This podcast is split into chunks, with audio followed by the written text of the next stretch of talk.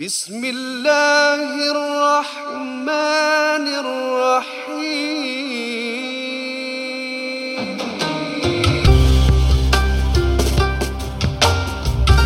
بسم الله بسم الله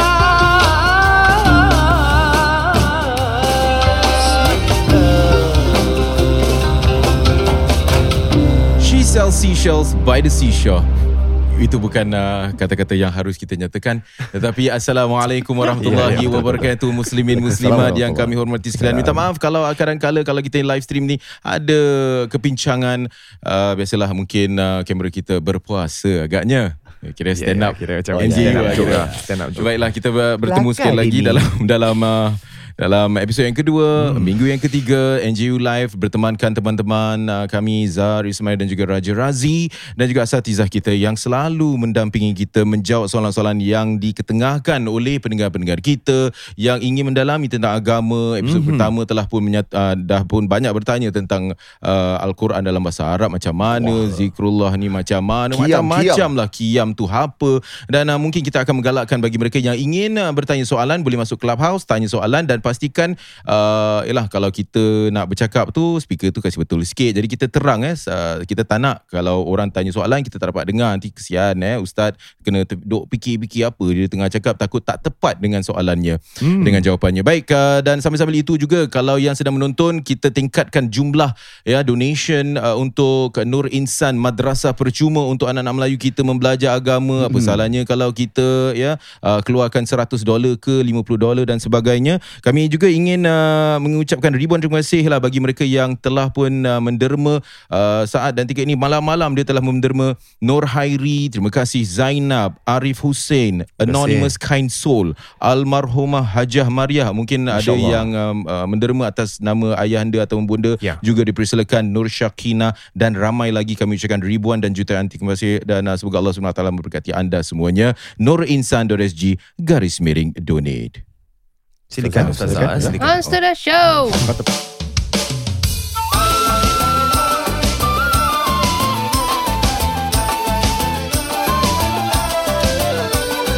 Jangan segan dan malu, marilah mendengar NGU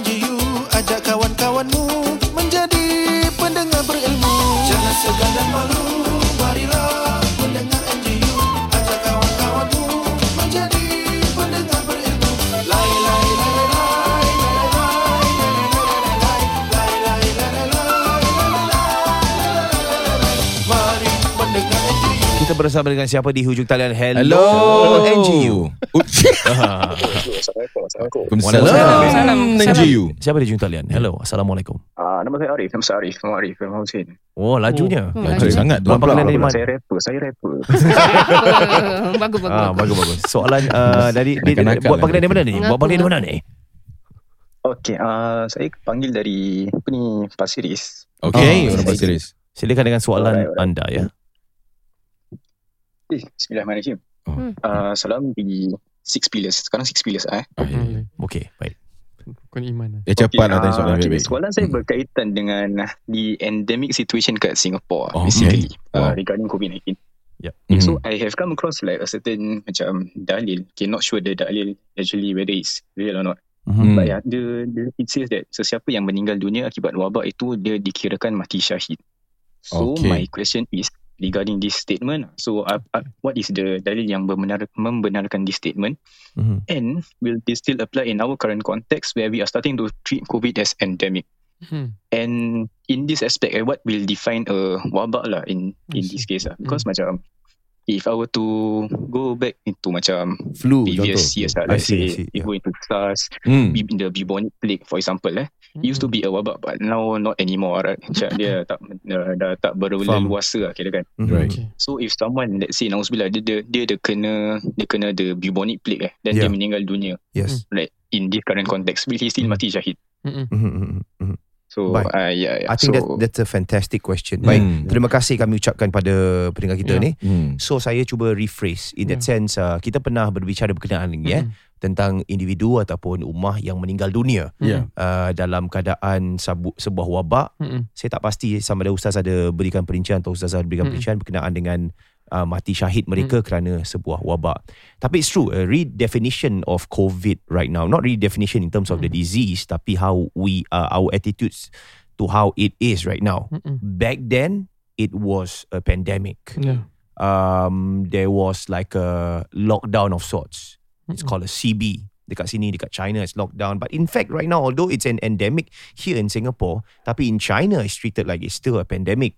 Uh, people are being locked into their apartments for 14 days straight, 14 hari, 15 hari tak boleh keluar, tak boleh makan dan seumpamanya. Pekik-pekik eh. Yeah, they are going for a zero COVID situation, Oi. which I think is highly impossible. Mm-mm. Tapi macam negara seperti kita, seperti Malaysia, United States dan banyak lagi negara-negara di serata dunia telah pun menerima ia sebagai satu endemik. Mm-mm. Jadi bagaimana dalam uh, pandangan Islam mengenai hal ni, sekiranya seorang tu meninggal dunia dalam keadaan COVID, masih lagi dianggap syahid ataupun Mm-mm. tidak Baik. dan apa pula tentang sebelumnya?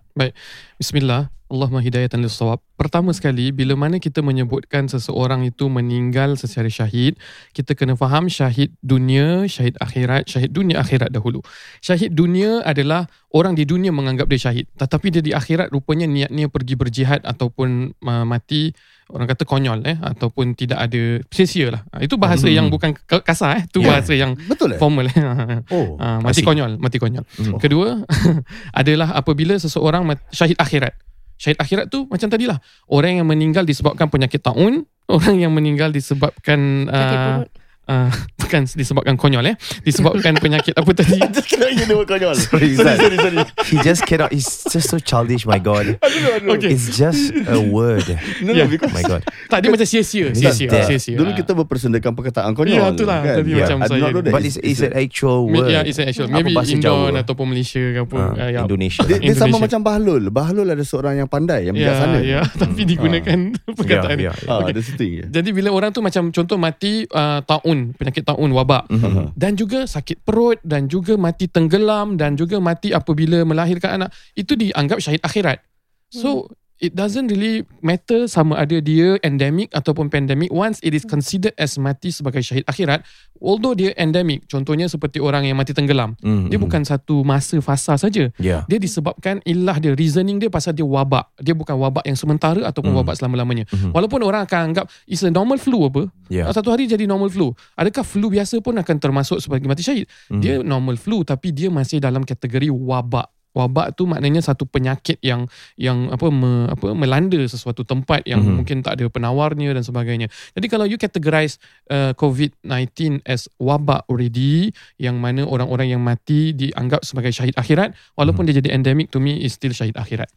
See, I Syahid dunia akhirat tu orang yang mati di jalan Allah yang mana dia meninggal kemudian tak perlu dimandikan, tak Hmm. perlu dikafankan, hanya disembayangkan. Tu syahid dunia. Di dunia kita anggap dia syahid, Hmm. di akhirat pun sama di sisi Allah. Correct me if I'm wrong. Uh, berkenaan dengan endemic dan pandemic Mm, mm, and mm. sebuah wabak like uh, like he mentioned about the bubonic plague Mm. uh, plague uh, Mm. tapi saya rasa like even cold ataupun selsema Demam. satu ketika dahulu uh, without vaccine selsema Okay. itu dapat um, membawa kepada kematian Hmm. and there were deaths surrounding uh, the cold virus and people actually died because of it dan oleh kerana the advancements of uh, modern science Mm-mm. and technology that vaccines were um, invented untuk orang kata tu uh, elongate our lives dan juga combat against the common flu. Mm-mm. And when that happens, dia dah tak lagi menjadi satu wabak sebab uh, it is something that is manageable. Mm-mm. There are medication that you can take untuk uh, combat uh, the side effects dan juga the symptoms for flu dan it can be cured in a Mm, sense. yeah. So adakah uh, dari segi itu uh, bila kita sebut berkenaan dengan apa itu wabak apa itu tidak that we must take to consideration what science dictates ataupun kena tunggu majlis fatwa untuk mengatakan benda Ya. ni. To me uh, personally kalau kita cakap, uh, jangan cakap pasal syahidnya dahulu eh kita define wabak tu sendiri.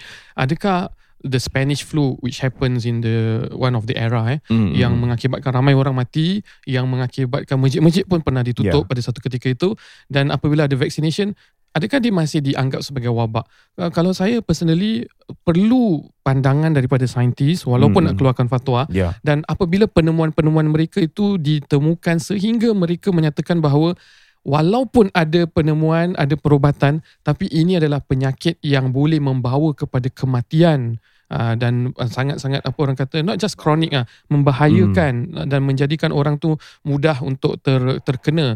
Uh, dia dia tetap berbeza dengan flu uh, biasa. Walaupun pada satu ketika tu flu uh, zaman Nabi SAW pun ada kan zukam uh, Hmm, flu-flu sedemikian. Tapi dia bukan satu flu yang tak boleh orang kawal Ya. Ah, ya. tu itu lebih kepada wabak. So walaupun sekarang kita dapat kawal, tapi maybe it's just to minimize kan. Tapi it is still fatal dan it is still something Hmm. yang boleh membunuh. Hmm. Uh, that's my thought. Yalah. Ustazah ada Mak saya lagi? pun dah buat tiga vaksin pun Mhm, mhm, kan. ya. Ah, tetap warga-warga tua ni Mhm. ah, tetap ah, adalah satu perkara yang membahayakan bagi diri mereka. Mhm. Kalau you cakap uh, dah oh sekarang Hmm. dah okey apa dah ada Ya. vaksin apa semua Hmm. tapi ada golongan-golongan ini yang tetap, tetap tidak okey Mhm. dan saya uh, uh, apa tu uruskan ke mayat mak saya tu Allah. adalah dengan tayamum kan tidak Hmm. boleh sentuhan semua Ya. ya. Uh, so uh, kita akan rasakan bahawa ada sebahagian golongan yang mereka ini masih terdedah kepada bahaya Mhm. walaupun sudah ada vaksin kan. Hmm. Mhm. Uh, Baik. Yeah. I, I would like add, kalaupun Mhm. dia satu masa dah tak dianggap wabak, Ya. tetap mereka-mereka yang pernah meninggal sewaktu Hmm. Pandemik ini dianggap syahid dan dia dia tidak dia tidak mengurangkan ijtihad pada ketika Hmm. ini dianggap sebagai wabak kalau lagi 50 tahun dia tak anggap wabak dah baik lah tak ada orang pun yang akan boleh kena ni tetap mereka-mereka yang melalui pandemik seperti ini dianggap sebagai wabak dan mati syahid insyaallah Hmm. Hmm. Baik, kita ambil satu lagi pemanggil Ya. sebelum kita invite um, penaja Faris. bukan ya. penaja tapi uh, beneficiary beneficiary yang kita sedang laksanakan satu kempen ni silakan. Let's, uh, terusnya Yusof Afiq silakan unmute yourself. Um, Yusof Afiq, Assalamualaikum Assalamualaikum. Yusof. Assalamualaikum Yusuf. Waalaikumsalam. Hmm. Assalamualaikum Ustazah. On to the show dengan to the salam profile killer. Hmm. ya, terima kasih. Buat panggilan di mana eh? ni Afiq? Uh, saya kat Loyang dekat kerja dah sekarang. Ah, Wah, Kerja. orang Silakan bekerja, Hafiz orang sedang beribadah ni Ya, silakan. betul beribadah. Silakan uh, dengan Ah, ini soalannya. saya nak ada dua soalan saya nak tanya lah. Okey. Silakan. Um, pertama, soalan pertama ialah saya ni uh, selalunya kerja pagi lah. Kalau kerja pagi kan macam saya tinggal jauh dan nak pergi kerja tu kat Changi. Jadi subuh tu selalu saya keluar sebelum subuh lah. Jadi bila uh, dah sampai kerja, dah syu, dah syuruk lah. Dia, dia subuh miss lah. Boleh tak saya semayang solat dalam bas dan ada Hello? Yusof, Yusof, Yusof tadi terpotong. Ah, Hmm, tadi Kita Ya, ya, potong ya. ya, dalam Ya. bas tadi ya. Ah. Ya. oh, mana saya saya Dalam bas, dalam, Dalam bas. bas tadi terpotong ah, terpotong dalam bila cakap dalam Okey, bas saya, tadi. Ya. Saya okay, saya kerja jauh. Saya tinggal dekat North area. Saya pergi kerja dekat East Side lah. Hmm. So saya pergi kerja sebelum subuh. Jadi uh, sampai kerja je dah syuruk lah. Lambat Bila lah. dah syuruk tu uh, dah, jadi kira tak sempat lah selalu nak subuh kan. Hmm. Jadi Ya, ya, saya, ya. saya nak tanya kalau saya solat subuh dalam bas tu, adakah saya perlu kodok balik ataupun sah tak semayang saya dalam bas tu? Baik. Uh, dan Hmm. apa cara-caranya untuk semayang dalam bas dan, dan yang betul lah dan semayang sebelah dan driver. Oh, Maaf uh, tapi kalau nak dikodokkan subuh tu kodoknya ke Zuhur ke macam mana? oh, ya. Itu jemaah. Kalau dah sampai dah sampai tempat oh, kerja dan dilewatkan dilewatkanlah. Oh, langsung. Ah, ah, dilewatkanlah. Okey. Okey, itu saja soalannya? Ada nombor 2. Ada nombor. Uh, maaf suaranya terkonyol. suaranya terkonyol. termati-mati. Receptionnya. Uh, soalan kedua okay, uh, macam, ya, jangan bergerak eh, macam gini. Jangan hmm. jangan bergerak mulutnya hmm. uh, okey teruskan. Macam gini dengar dengar ya, ya, ya, ya. ini bagus ya. ini bagus. Okey uh, okey soalan kedua pasal hutang eh. Hmm. Uh, okay. saya fahamkan yang sekali Razi ada berbual pasal uh, hutang bahawa kalau kita ada hutang bank dengan hutang orang jadi Hmm. kalau kita boleh satukan then macam mana eh jadi pasal kalau kita uh, example lah kita hutang orang tu 3000 Ya. tapi kalau kita dah satukan masuk dalam DRS ke apa Hmm, hmm. kita tak bayar uh, dengan kawan tu ataupun orang tu 3000 kan orang tu mungkin dapat Ya. sikit kan macam mana macam mana hukumnya dan adakah boleh dibolehkan ke tidak Ah, soalan yang baik ni. Ya. Ya, Terima baik. kasih. Terima kasih. Yusof. Ni boleh Terima boleh cakap nama company ke ni? Ah, tak boleh. tak boleh. tak boleh lah. Bayar. Ha. Baik, ada dua soalan. Satu tentang solat, satu tentang hutang. Hmm, eh. Kita mulakan dengan solat dahulu Hmm. bagaimana Ah, dia pada, keluar. Pada saya uh, kita pernah ada makcik yang tanya macam itu. Hmm. Dia pun uh, have the same problem lah. Okey. Uh, pasal dia nak pergi dia nak solat nanti dekat uh, Dalam bas. dekat dalam bas. Mm-mm. Mm. Tak dia selalu t- akan buat macam gitulah dia tak Mm-mm. solat. Mm-mm. Pasal uh, dia dah terlambat bila sampai je dekat hospital tu Mm-mm. lagi pun tempat hospital hospital lama. Ya, ya. So dia tak ada tempat dia nak sembahyang. Hmm. So kita boleh saja dia sembahyang kat dalam uh, Bas. bas Mm-mm. perjalanan tapi kita galakkan jugalah kalau waktu dia takbir tu kalau dia boleh ngadap kiblat tu lebih baik lah Mm-mm. kalau dia ngadap kiblat dia ada wudu so dia tak perlu kadak lagi pasal Ya, dah cukup dia ada kiblat walaupun bila lepas dia dah sembahyang tu uh, bas tu pergi tempat-tempat lain Mm. pusing uh, me- menyalahi kiblat pun tak ada masalah Ya. Hmm. Pokoknya waktu takbir tu dia ngadap kiblat. So dia tak perlu oh, ulang lagi lah. Tu sembahyang Hmm. dah sah. Cuma kalau dia tak dapat uh, ka, uh, mengadap kiblat, uh, tu yang nanti dia kena ulang lagi sekali lah. Walaupun dia sembahyang kat dalam uh, bas, dia sampai kat destinasi dia kena ulang lagi sekali. Mm. Uh, itu Oh. cara dia lah. Ber- saya nak ber- tambah. Bermaksudnya apa?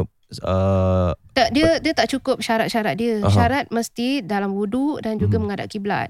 Dalam keadaan bersih lah. mhm. Saya pasti dia bila dia pergi Hmm. kerja tu dalam keadaan dia dah bersih. Dan dia bila tengok tempat duduk tu pun bas kita pun bersih. Mm. Kan? Cuma dia tak dapat menghadap kiblat. Mm-mm. Pasal mungkin kiblat sebelah sana. Ya. Macam mana dia nak pusing Mm. kan? Ah, jadi dia solat juga tapi nanti bila sampai kat destinasi dia kena ulang balik solat dia kerana tidak cukup ah, syarat dia. Mm. Mungkin ada Okay. yang mengatakan macam daripada nak ulang balik baik. Baik. Dah sampai baru solat terus. Tak, kita Macam mana Ustazah? kita Ha. buat begitu kerana uh, kalaulah kita tak sempat sampai ke destinasi, kita wallahu alam kita tak survive waktu tu. Ah. So kita sudah pun menjalankan perintah pada waktunya dalam waktu tersebut. Mhm. Uh, itu kita galakkan orang untuk uh, uh, walaupun dalam masa tersebut kita buat. Hmm. Macam gitu juga kita ada soalan banyak tentang pembantu rumah yang tak boleh solat sepanjang hari. Uh, I dia see. boleh solat malam semua dia kadak semua. Oh. Hmm. Zuhur, asar, maghrib, isyak. Ha, dia kadak semua kat malam. Dah macam So hari-hari kita terawih kan? kita Hmm. kena kasih dia alternatif banyak. Mm. Ada tak uh, bila petang tu ada tak sikit masa yang you boleh combine? Hmm. Uh, boleh combine Zuhur Asar ataupun Maghrib Isyak. At, Hmm, eh, ya. Maghrib Isyak dah tak masalah lah. Hmm. Hmm. Maghrib dia boleh bawa kepada Isyak kan. Mm. Itu lebih baik lah kita rasa. Lepas tu kita kasih alter- alternatif banyak. Hmm. Kalau dia tak boleh sembahyang dalam rumah, dia boleh sembahyang kat luar. Uh, Hmm. kita sekarang dekat hall-hall kita orang dah tak pakai lagi. Ya, ya. So sa- saya pun biasa sembahyang kat hall kat luar kalau kadang-kadang uh, dululah ada masa tak tak ada sempat Hmm. kita just bentang aja kat situ Hmm, kita boleh solat juga. Ya. So boleh cari kita akan beri alternatif yang banyak. Hmm. Ada pula yang dia uh, sampai tempat kerja dia ustaz dia tak boleh sujud dia, dia tak boleh rukuk tau. Dia sembahyang berdiri je. Hmm. Pasal dekat dia punya apa Tak ada room dia space tu tu lah. Tak ada store Kecil sangat eh. uh, tak ada tempat melainkan berdiri. So solat berdiri je lah. Ya, ya. Ah, macam gitu. Oh. Uh, jadi alternatif banyak yang you boleh just alhamdulillah lah brother ni tanya kan. Hmm. Uh, Silakan. ni ustaz ada. apa No, I, I, I think it's about the same pasal Hmm. dalam Al-Quran Allah sebut inna salata kanat 'alal mu'minina kitaban mawquta. Betul. Sembayang itu pada waktu-waktu di dalam ter- waktu tersebut. Ya. Bermakna kalau kita di luar waktu Hmm. tidak dika- dikatakan adaan ya sebab itu kita qadaan. Ya. Tapi yang Ustaz sebut bila adaan tu nak kena make sure syarat-syarat dia ada. Hmm. Jadi sekurang-kurangnya kata ulama kalau kita dah betul-betul tak boleh usaha dah anu timing tak boleh Hmm, tarik hmm, tempat hmm, kerja lain akan mengakibatkan nafkah kita terganggu dan Ya. sebagainya maka sekurang-kurangnya dapat takbiratul ihram ya seperti Hmm. yang disebutkan maka Hmm. itu dah kira sah adaan tapi kalau syarat itu tak sempurna kena qadaan Tapi hati-hatilah kalau waktu solat tu uh, dan tiba-tiba ada apik terduduk terpegang uh, tangan dah terbatal pula. Ya hmm. semayang. tapi pak cik okey lah Ah. Jangan duduk sebelah tu. apik. Ah, yelah. Hmm. Mana tahu. Okey, boleh saya tambah soalan ni. Hmm. Contoh kalau kita Hmm. tengah on a flight, kita tengah ada at- atas uh, kapal Ya. terbang eh. Hmm. Kita memang tak boleh cari kiblat. Pasal Hmm. kita cuma duduk pandang ke depan saja. Hmm. Ha, jadi Ah. macam mana kalau kita nak solat tu? Kita duduk terus kita sembahyang terus ke macam gitu macam mana? Baik, ada dua cara. Kalau dalam flight sama ada kita berdiri untuk takbiratul ihram mengikut ni. Sebenarnya dalam flight lagi senang daripada Hmm. bas. Oh. For information. Pasal Jangan suruh bas, pilot gerak lah. pasal bas Jarang nak solat Kita dalam flight tak sebab dapat- kita tengah happy nak holiday. Oh, tak ada. tak. Tak. Tak ada. sebenarnya sebenarnya flight lagi lagi banyak occurrence macam ni. Pasal Yeah. flight longer hours dan Yeah. you tak boleh keluar. Kalau bas kan sepatutnya kalau bukan hari kerja dia boleh turun saja.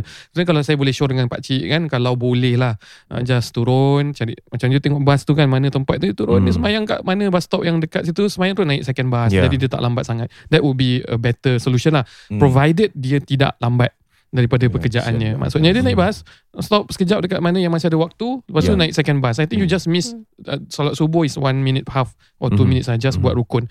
That would be my advice lah, pergi turun daripada buat ni semua. Tapi kalau dalam air, airplane, kita sebenarnya boleh pergi dekat daerah toilet tu, dekat daerah Hmm. apa uh, stewardess punya tempat situ boleh sujud, Susah boleh rukuk. Fokus eh. Memang And boleh Ya. pusing-pusing pun kita tengok mana arah kiblat pada ketika itu. Kerana kenapa saya cakap kenapa senang dekat flight? Dekat flight lagi you boleh tahu kat mana you punya apa keadaan sekarang dan kat mana Kaabah pula. Ha, you boleh ada compass kat situ Hmm. untuk lihat kat mana Mekah. Because Yeah. from the channel TV you tahu apa. Ha, jadi you boleh position yourself. Ya. Ha, arah dia saja, not exactly arahnya saja. Hmm. Ya, so lebih senang Naik. Emirates lah. Emirates banyak uh, dia tunjuk kiblat. Ya, and, and, and, and certain airline dia ada musola pun dalam Oh. Hmm, flight. ya, correct. Certain airline dia terus ada baca doa kenderaan terus. Ya, Wah, ada. Then cuba sikit suara. rajim. Suaranya macam mana? Baca doa. Uh, saya dah lupa Ustaz. Subhanalladzi. Subhanalladzi sakhara lana hadha. Ding tong. Ah, saya dah tekan untuk panggil stewardess. Ya, sorry. Oh, macam itu. Yalah, ya. Nak minta air Tapi orange. uh, apa? Ustaz punya cadangan Dia turun sekejap Untuk dia solat Itu memang bagus lah Hmm. Kita banyak kali pun buat macam itu Pasal kita selalu Dekat luar kan Mm-mm. So ada kat tepi-tepi sikit je Lagipun pada waktu subuh Tak banyak sangat Hmm. Orang yang keluar Melainkan uh, Yelah uh, Suasana lebih Lebih senang untuk dia nak cari Tempat untuk dia solat Bagus lah Kalau dia boleh buat macam itu InsyaAllah okay. Tapi dia punya keprihatinan tu eh, Hmm. Pagi-pagi Syabas, fikir syabas. syabas Cuma Syabas, daripada Yishun North sampai uh, East eh Dia kerja kat Loyang tu I think Jauh. bus nombor 39 Jalan kat highway Mungkin tak Hmm. ada bus stop lah Hmm. Baik, ini soalan uh, mengenai hutang pula tadi eh. Ah, ya, Ah, ya, tak macam mana dengan tu. hutang eh. Apa soalan dia? Uh, soalan dia senang saja. Hmm. Uh, ini satu um, DRS iaitu satu uh, sistem Hmm. yang mana betulkan saya kalau saya salah eh. Ya, ya, maaf. Uh, pelbagai hutang piutang yang you ada you Mm-mm. letakkan dalam satu uh, basket lah in the Okay. sense that you bayar saja menerusi satu saluran Okay contohnya you hutang bank 5 ri- uh, you hutang bank 30 ribu Mm. you hutang bank nombor 2 60 ribu Mm. you hutang bank nombor 3 80 ribu Dah lebih daripada DRS tak boleh ya. Ah, oh dah lebih eh. Dah lebih. Oh, Okey Ada dua dua bank dia. hutang lah. Okey, baik. Okay. 30 ribu dengan tadi Ah, 80 ribu boleh. uh, 60 ribu lah. Ah, 60 ribu boleh. Dua bank eh 30 ribu 60 ribu 90,000 untuk lah. hutang. Dah 90 ribu lah. Jadi dah 90 ribu. Kita go menerusi uh, khidmat DRS ataupun khidmat uh, debt solution company Mm-mm. dan kemudiannya di bila kita bayar kembali Mm-mm. menerusi akta yang telah pun diletakkan Mm-mm. uh, polisi DRS ini kita bayar kurang daripada that stipulated amount Mm-mm. dan kita bayar hanya uh, sepertiga ataupun kuranglah Hmm. seperempat daripada apa yang telah pun Hmm. ditetapkan. Hmm. Adakah sah pembayaran kita? Hmm. Tapi orang yang pemiutang Atau orang yang menerima hutang tersebut Tetap dapat bayaran yang sama lah Hmm, tidak. Kan? Tidak, Apa? tidak. Okey, contoh macam um, seseorang ni dia ada hutang dalam jangka 600 ribu contoh. Mm-mm. Hmm. Dan dia telah pun dia, dia kena sue bankrupt lah. Mm-mm. Eh, dan dia pergi ap- apabila beliau seorang bankrupt, Mm-mm. dia harus membayar mungkin 800 dolar saja Mm-mm. selama 52 bulan. Okay. Jadi dia bayar kurang daripada 600 ribu. Okay. Hmm. Selepas dia lengkapkan 52 bulan tu, Hmm. dia dah tak bankrupt lagi. Hutang dia dah kira selesai. Hmm. Jadi Hmm. dia tak bayar habis kepada bank-bank ni semua. Hmm. Jadi macam mana pula uh, dengan hukum tersebut lah. Uh, Saya tak pasti daripada Ini sudut adalah tu. polisi tau Ustaz. Polisi daripada Hmm. kita punya pemerintah lah. Mm-mm. Ya Mm-mm. polisi ya. Okey. Dalam fiqah ini termasuk mungkin bawah tajuk hiwalah memindahkan hutang. Maknanya kalau saya hutang Razi, Mhm. lepas tu uh, di, uh, Zar ada hutangan saya, Ya. Hmm. saya suruh Razi bayar dekat Zar. Itu hiwalah. Kira kita tak bayar direct kepada siapa yang kita hutang tapi Hmm. dikumpulkan ataupun dipindahkan satu sama yang lain. Okey. Tapi apa yang saya faham asalkan tidak ada unsur-unsur kezaliman maknanya seseorang yang kita bayar dia menerima hak dia seperti mana yang dia sebenarnya mem- meminjamkan. Itu tak ada masalah. Hmm. Uh, Lain kalau kita hutang RM10,000 kita bayar RM5,000 saja uh, kemudian uh, orang tersebut rugi. Uh, itu Yeah. mungkin mungkin itu yang tak dibenarkan lah. Tapi selama mana Hmm. orang tersebut orang tersebut tetap dapat daripada sumber lain ataupun break even dengan perkara yang lain, mak- tak ada masalah lah. I see. Tapi Okay. dari sudut pandangan Islam bagaimana? Okey, kita letak Hmm. tepi polisi apa yang diletakkan sebab kalau nak cakap polisi Hmm. HDB pun ada riba dan sebagainya Hmm, kan. hmm, hmm, hmm. Tapi kalau dalam Islam bagaimana? Hmm. Uh, dari sudut hutang piutang itu kalau saya pinjam 50 dolar daripada seseorang Mm-mm. Harus adakah dalam nas agama dan sebagainya saya harus bayar kembali exactly 50 dolar? Dan kalau orang tu menghalalkan saya membayar 30 dolar sahaja, Oh, Bagaimana? tentu, tentu tak ada masalah. Asalkan uh, orang yang meminjamkan itu bersetuju dengan uh, berapa bentuk uh, yang nak dibayar tak ada Right. masalah. Oh. Uh, so nak kena dia punya persetujuan lah. Yang tadi saya maksudkan tu kalau dia tak bersetuju dia rasa dia dizalimi. Kan di sini tidak ada unsur kezaliman. Dia sendiri uh, tertakluk kepada perkara tersebut dan dia persetujui. Um, cuma yang kedua adalah Mhm. sepatutnya yang jadi isu adalah kalau dia minta lebih daripada yang dia hutangkan. Ya. Ha, itu yang ada Itu orang riba kata lah, riba. unsur riba. Hmm. Ataupun tak semuanya riba. Ya, ada kalanya di zaman sekarang kita panggil aku bukan pinjamkan kau tapi uh, aku uh, macam uh, bila dalam bayar balik kena bayar inflation punya rate contohnya. Mhm. Okay, Ah, jadi kalau gitu uh, yang tanya soalan tadi tu tentang hutang ni um, memang tak ada masalah Hmm. dalam apa-apa skim yang beliau masuki pasal uh, yang si peminjam tu memang dah bersetuju hmm, uh, dengan uh, amount yang untuk dia bayar balik lah. tak ada masalah asalkan tak ada dia masalah. dia yang meminjamkan tu dia bersetuju tak ada hal. Ya. Hmm. Baik, uh, kita nak berehat seketika dan kami Hmm. ucapkan ribuan terima kasih pada Ustazah Kalsum Hmm. seketika Ya. eh, untuk memberikan ruang kepada teman Okay. kami daripada Nur Insan Yes. untuk masuk uh, Mhm. saudara Faris tapi sambil-sambil kita menantikan beliau ambil tempat di sini uh, juga uh, kami merayu bantuan daripada pendengar-pendengar kita yang budiman uh, yang sedang menyaksikan rancangan ini NGU live ataupun sedang mendengar melalui Clubhouse ataupun anda mendengar the delayed telecast uh, di Spotify. Uh, kami undang eh langsung untuk masuk-masuk siapa ni? Saudara Uh, Faris, Faris, Faris, Faris, silakan, silakan Faris eh. um, kita juga sedang melaksanakan kempen Hmm. bagi mengumpulkan dana khas untuk uh, madrasah percuma Nur Insan.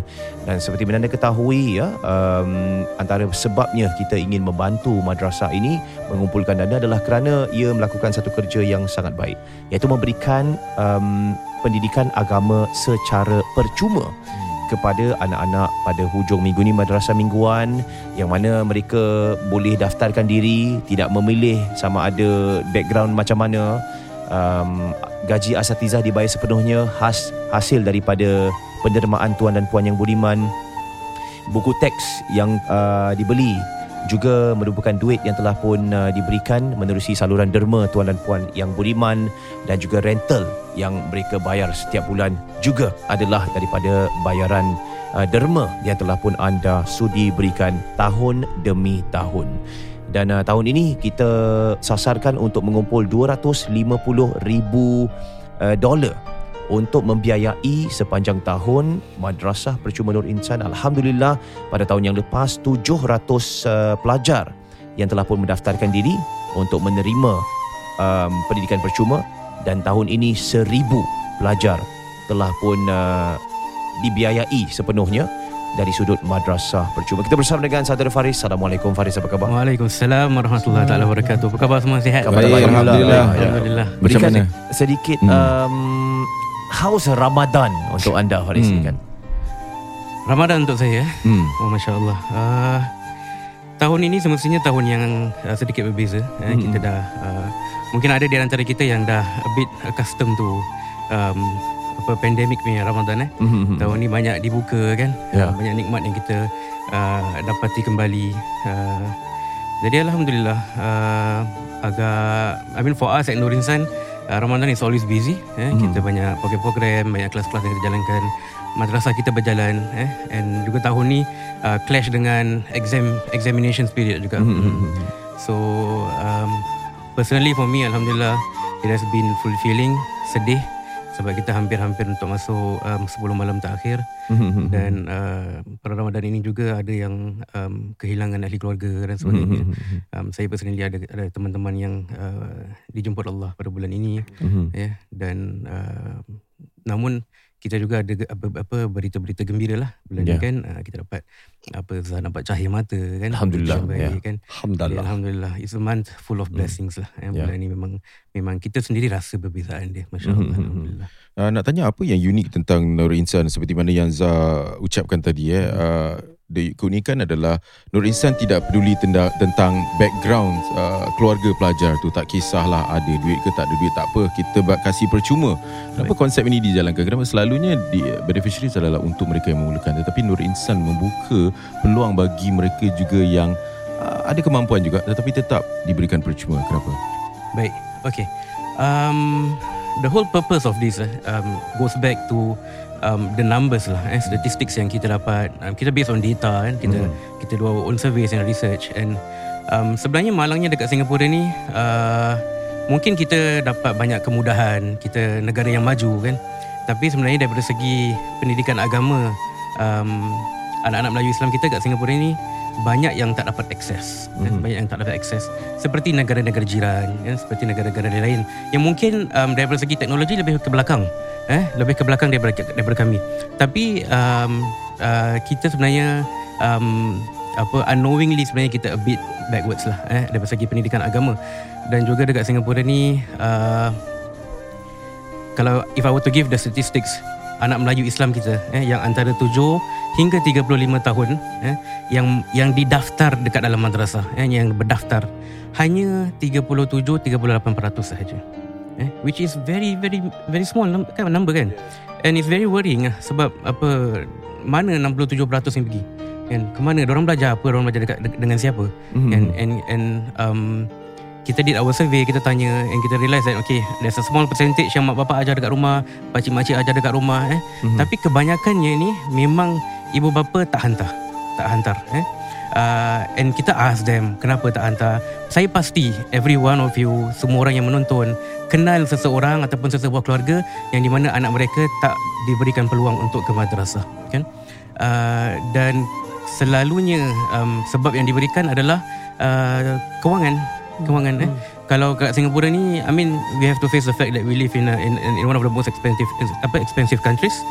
And um, the bayaran yuran ni satu bulan kalau satu budak tu 50 dolar keluarga tu ada 4 5 anak ya. Satu bulan nak kena tepikan 300 400 dolar just for madrasah eh belum masuk buku-buku dia perkakas dia. And dia mendorong kita untuk um, champion discourse sebab kalau tak kita siapa lagi kan? Sebab perlu ada perlu ada tempat yang yang memberikan ruang untuk masyarakat datang menuntut ilmu secara Hmm. percuma tak ada risau tentang oh aku tak mampu nak bayar. Oh aku tak boleh nak bayar macam mana ni. Uh, jadi pada masa yang sama kita pun tak nak pelajar kita ni kena label uh, budak-budak susah. Mhm, kan? mhm. kalau kita just um, Mhm, ambil sekatkan just for mereka yang memerlukan and orang akan tengok bila kita ambil gambar kita post saja oh ni budak-budak susah ni oh ni budak-budak apa fakir miskin anak yatim Yeah. jadi kita buka kepada semua lah uh, tak kira kita tak akan cek latar belakang Mhm. uh, kita tak akan cek kemampuan kita tak akan cek gaji dan sebagainya everyone is welcome.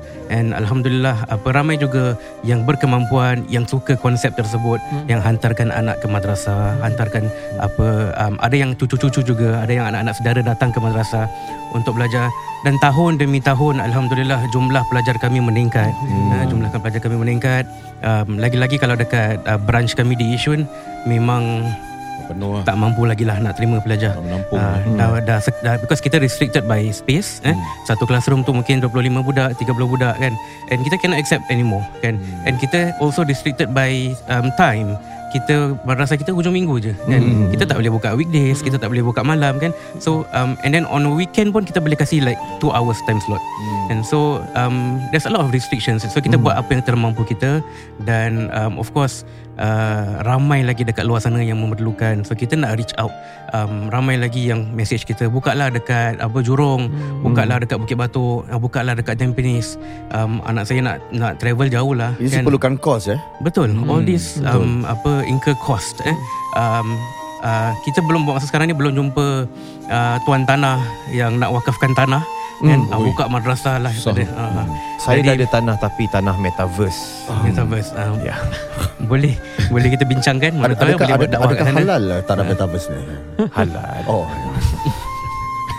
Jadi Jadi, ya. uh, apa antara subjek yang diajar? Hmm. Okey, untuk madrasah kita, um, kita um, ada empat pegawai dakwah, ya, ustaz, ustaz, ustaz kita. Yang lakarkan kurikulum, yang lakarkan syllabus lesson plan. Jadi kita fokus kepada um, tauhid, kita fokus kepada fikih, kita fokus kepada um, sirah nabawi, nabawiyah, kita fokus juga kepada akhlak. Eh.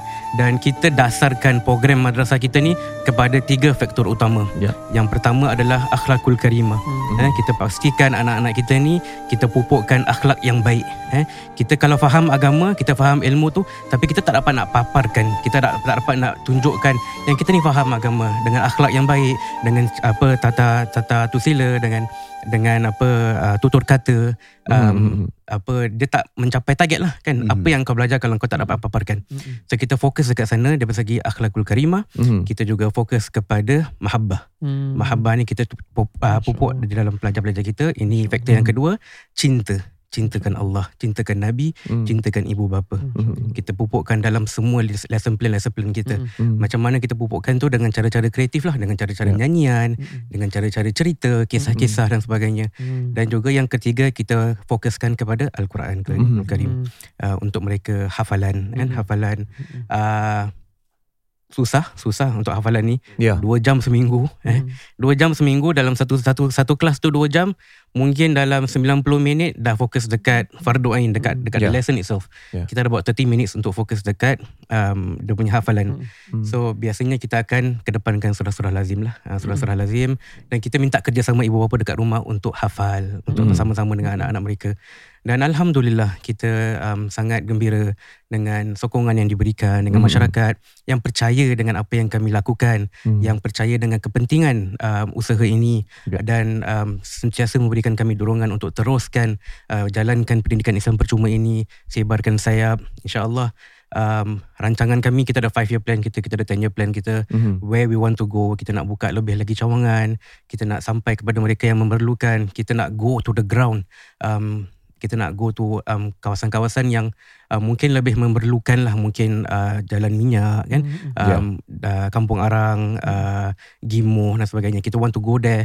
Kita want to open up um, apa um, portable madrasas. Eh? Hmm, Uh, portable hmm. madrasas. Where asatizah kita akan datang on the ground every weekend untuk ajar. Hmm. But kita need to we need to work together dengan the the apa ni authorities over there lah Mm-mm. eh, to do that. Um, dan of course kita nak open cawangan kita, kita punya permanent centers which will be um, insya-Allah doakan doakan tahun ni kita nak buka the third center in the west side, Hmm. west side Mm-mm. um, which kita dah cuba buat untuk 2 tahun tapi um, banyak banyak Rintangan apa lah. ni, rintangan yang berlaku covid dan sebagainya. Nak dapatkan tempat yang sesuai nak dapatkan lokasi yang sesuai. Dan insyaallah tahun ujung tahun ini kita kita dapat buka. Dan alhamdulillah tahun ini juga um, uh, cawangan timur kita dah berpindah. Mhm. uh, kita dah berpindah ke kawasan yang lebih uh, senang untuk masyarakat datang. Uh, and of course after that kita want to go to the south pula. Mhm, uh, kita want to go to the south. And once all that is is is done Ya. baru kita akan go to clusters lah. Kita akan go to clusters. Kita akan buka um, apa Yishun Woodland Sembawang satu, um, Mokyo um, apa Toa Payoh satu dan sebagainya. Hmm. So every area ada satu ni yang di mana satu satu negara kita ni uh, masyarakat Islam Singapura ni tahu Hmm. uh, belajar agama tak perlu tak perlu risau tentang bayaran. Nur Insan ada. Hmm. Uh, just hantar anak ke sana. InsyaAllah anak um, kita dapat apa ni uh, jadikan anak kita ni uh, insan-insan yang baik lah. Hmm. InsyaAllah. Baik saudara-saudara yang kami muliakan sekali lagi lah um, dengan hadirnya uh, Faris di sini sebagai pengasas Nur Insan Ayu sama-sama kita tingkatkan jumlah dan uh, sekarang ni sudah pun menjangkau 91,368 dolar semuanya. Terima kasih kepada teman-teman kami Munir Dibel, Aliana Sofia, Jumari bin Iksan, uh, Suryati, Ahmad Fauzi, Su and the Kids dan ramai lagi yang telah pun menderma Saadantika ini untuk sama-sama merealisasikan madrasah percuma. Jangan risau tentang pembayaran Nur Insan ada. NGU.SG garis miring donate bagi mereka yang ingin uh, terus menderma sekali lagi NGU.SG garis miring donate. Saudara-saudara yang kami muliakan sekian sahaja untuk uh, uh, episod yang kedua ini dalam NGU Live kita akan bertemu di lain kesempatan. Assalamualaikum warahmatullahi wabarakatuh. Waalaikumsalam. wabarakatuh.